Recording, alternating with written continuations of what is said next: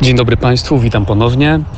W ciągu ostatniej doby udało nam się dostarczyć sporo pomocy wolontaryjnej, m.in. do miejscowości Kupiańsk, e, miejscowości wyzwolonej przez Ukraińców niespełna dwa tygodnie temu.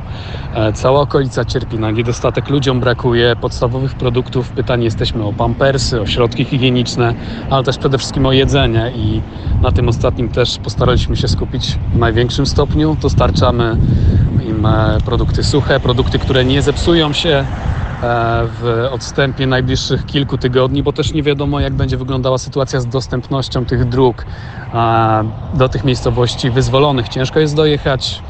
W okolicy otwierają się co prawda pierwsze sklepy, natomiast mieszkańcom okolicznych e, wiosek, miast brakuje po prostu pieniędzy, żeby się zaopatrzyć w podstawowe produkty, więc w dużej mierze opierają się na tej pomocy wolontaryjnej, którą my jesteśmy w stanie dostarczyć.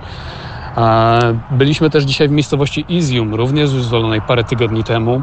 Sytuacja równie ciężka, dostępność do produktów równie mocno ograniczona. Dzisiaj natomiast e, zmierzamy w kierunku Bachmutu, gdzie będziemy przeprowadzali akcję ewakuacyjną. E, Bachmut, z tego co wiemy, z 80 tysięcy mieszkańców, którzy żyli tam na co dzień, obecnie mieszka tam około tysiąca.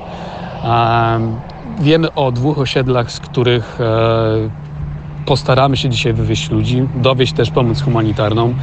O Bachmut toczone są od wielu tygodni ciężkie walki. Miejscowość jest ostrzeliwana każdego dnia.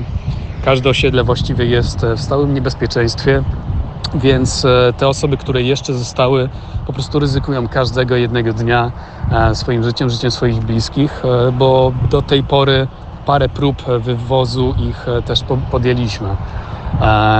Jutro też planujemy kolejną ewakuację właśnie z Bachmut, o, którym też krążą legendy w internecie. Wiele się słyszy o tym, ile dzielnic miasta już wpadło w ręce Rosjan. My wiemy natomiast, że miasto jest nadal w pełni ukraińskie. To, jak to się potoczy dalej, ciężko przewidzieć. Wiemy natomiast, że Ukraińcy stawiają bardzo mocny opór. E, Zależy im na, na obronie miasta i my też musimy zachować e, olbrzymią czujność podczas tych akcji, żeby po prostu e, nie zapędzić się w kozi róg. Miasto jest e, wypełnione barykadami, połowa ulic, na połowie ulic rozstawione są betonowe bloki, które mają też udaremnić szybkie zajęcie miasta w razie wejścia, wejścia do niego Rosjan.